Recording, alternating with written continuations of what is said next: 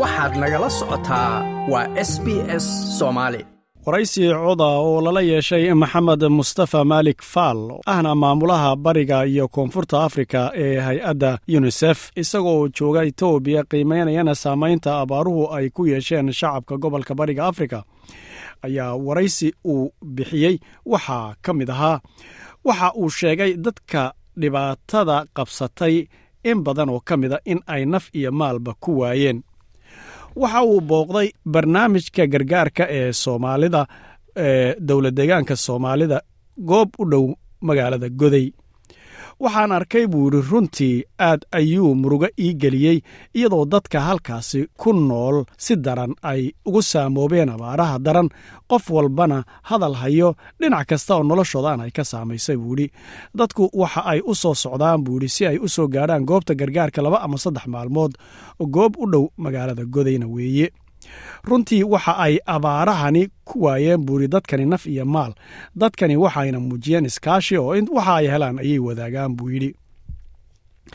Wax badan ayaana la qaban karaa buu yidhi marka laga eego dhibaatada haatan taagan. Isagoo sheegay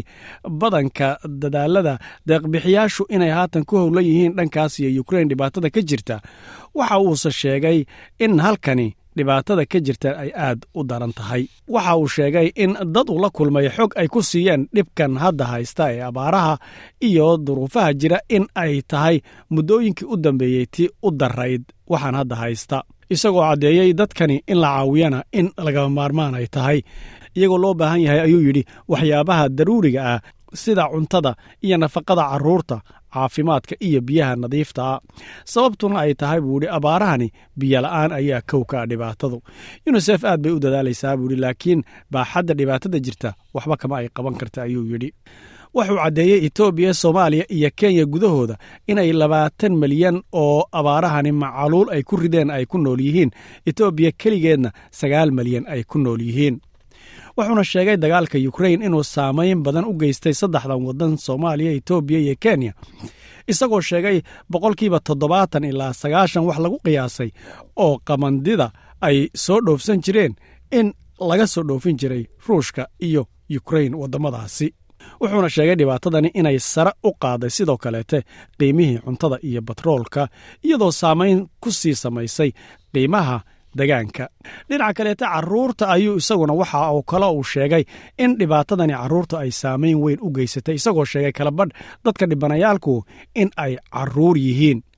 arrintu waa helidda buu yidhi cuntada helidda dawada iyo sidoo kaleete helidda nafaqada iyo biyaha. Waxauna sheegay bulshooyinkan inay ku badan tahay carruurta waxbarashada ka tegaysa sidoo kalena waxa uu sheegay inuu helay xogo sheegaya in guurka gabdhaha yaryari uu sii batay iyada oo qoysku ay qudaraynayaan in ay gabadhooda u guuriyaan qoys dhaqaalo leh si ay halkaasi uga helaan waxtar. Waxaa kaloo uu sheegay in carruurtu ay ku badan tahay nafaqadarrida taasina ay keenta buu yidhi geeri. Dhinaca kaleete waxaa kale oo jirta iyaduna warbixin cusub oo qaramada midoobay ay taageersan tahay oo lagu sheegay in gobolka bariga afrika heerarka gaajadu ay kor u sii kacayso sida ay sheegtay daraasad ay taageeraysa hay'adda cuntada adduunka ee qaramada midoobay w f b iyo sidoo kaleete hay'adda cunnada iyo beeraha ee qaramada midoobay ee loo yaqaano faw ayaa waxa ay sheegtay daraasadaasi in ka badan konton milyan oo dad ah kuna dhaqan geeska afrika in ay sannadkan wajihi doonaan cunnola'aan aad u ba'an warbixintan oo ka soo fushay hay'adda xoog saaridda gobollada dhibaatooyinka ka socda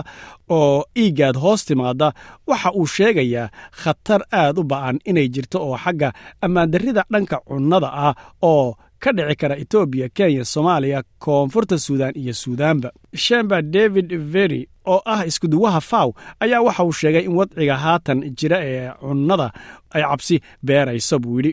kadib markii afar xilli roobeed ay waayeen roobabkii ay helayeen dadkaasi iyadoo sidoo kalena jawigu aad isu beddelayo. Dhibaato badanna halkaasi ay ka timid. Bixintu ayaa sheegaysa in ay hadda ugu daran tahay wakhti kasta oo tegey dhibaatada taagan. Wuxuuna sheegayaa mas'uulkaasi shimba waxaa waajiba inaan fulino waxyaabaha loo baahan yahay sida deg dega wax u qaban kara si aan nolosha dadkaasi oogu caawinno si ay oga hortagaan dhibaatooyinka soo wajahaya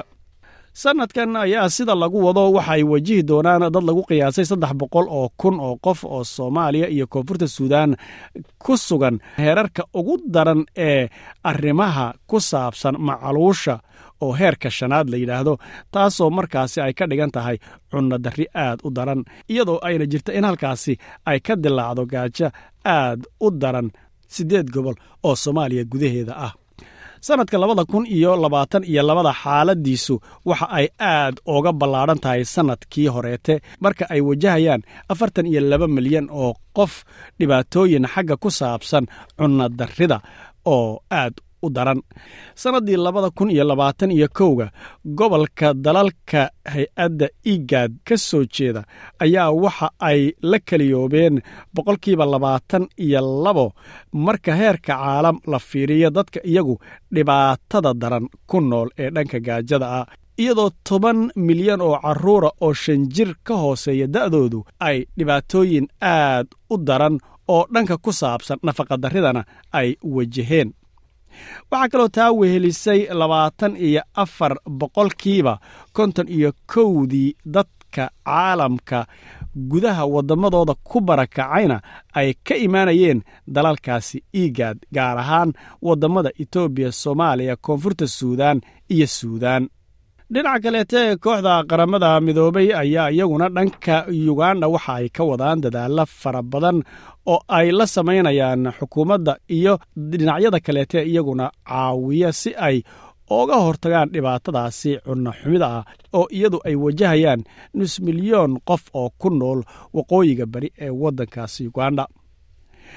In ka badan afartan boqolkiiba dadka degaanka gobolkaasi waqooyiga bari ayaa waxa ay wajahayaan herar aad u sarreeya cunnada gadaabsigeeda. Taasina waxay u noqonaysaa abaaraha ka jira iyo jawiga aadka isu beddelay. Barnaamijka haddaba qaramada midoobay ee cuntada ayaa waxa uu isagu markaasi daboolayaa toddoba dhibic afar milyan oo dollar iyadoo loo diyaar garoobayo in laba boqol toban iyo toddoba kun oo qof barnaamijkaasi ay ka faa'iidaystaan. Wakaaladaasi haddaba cunnada ee qaramada midoobey waxa ay siinaysaa qoysaskaasi iyo carruurtoodaba si gaara haweenka uurka ah iyo carruurta oo iyagu kuwa ugu darana wajahayana cunno xumida amaba nafaqa darrida. Waxa ay siinaysaa dadaallo ku saabsan sidii nafaqada ay ugu soo celin lahayd